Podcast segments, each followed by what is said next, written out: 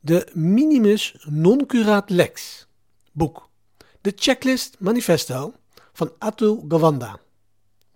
We kunnen van de juridische wereld ontzettend veel zinnige termen lenen.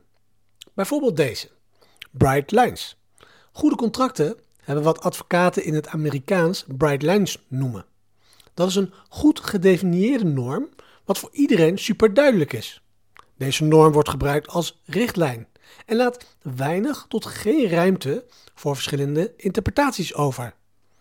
Wetenschappelijke onderzoekers van wilskracht vertellen ons dat we die heldere richtlijnen nodig hebben wanneer we contracten met onszelf maken.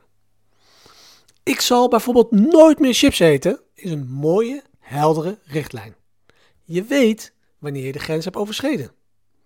Deze richtlijn is veel beter gedefinieerd dan ik eet minder junkfood. Dat is veel te wazig omschreven. En hier is nog een mooi voorbeeld van een juridische term die we kunnen lenen. De minimus non curat lex. Dat is Latijn voor de wet houdt zich niet met kleinigheden bezig. Een goed juridisch systeem moet gedetailleerd en alomvattend zijn. Maar het kan eenvoudigweg niet voldoen aan elk klein ding dat opduikt. En raad eens.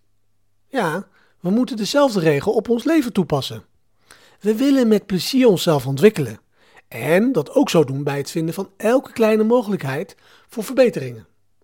En we moeten weten wanneer we de kleinigheden moeten negeren en gewoon verder moeten gaan met ons leven.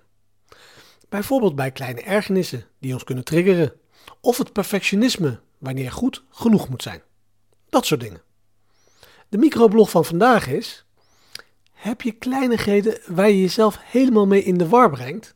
Pas dan de minimus non curat lex toe.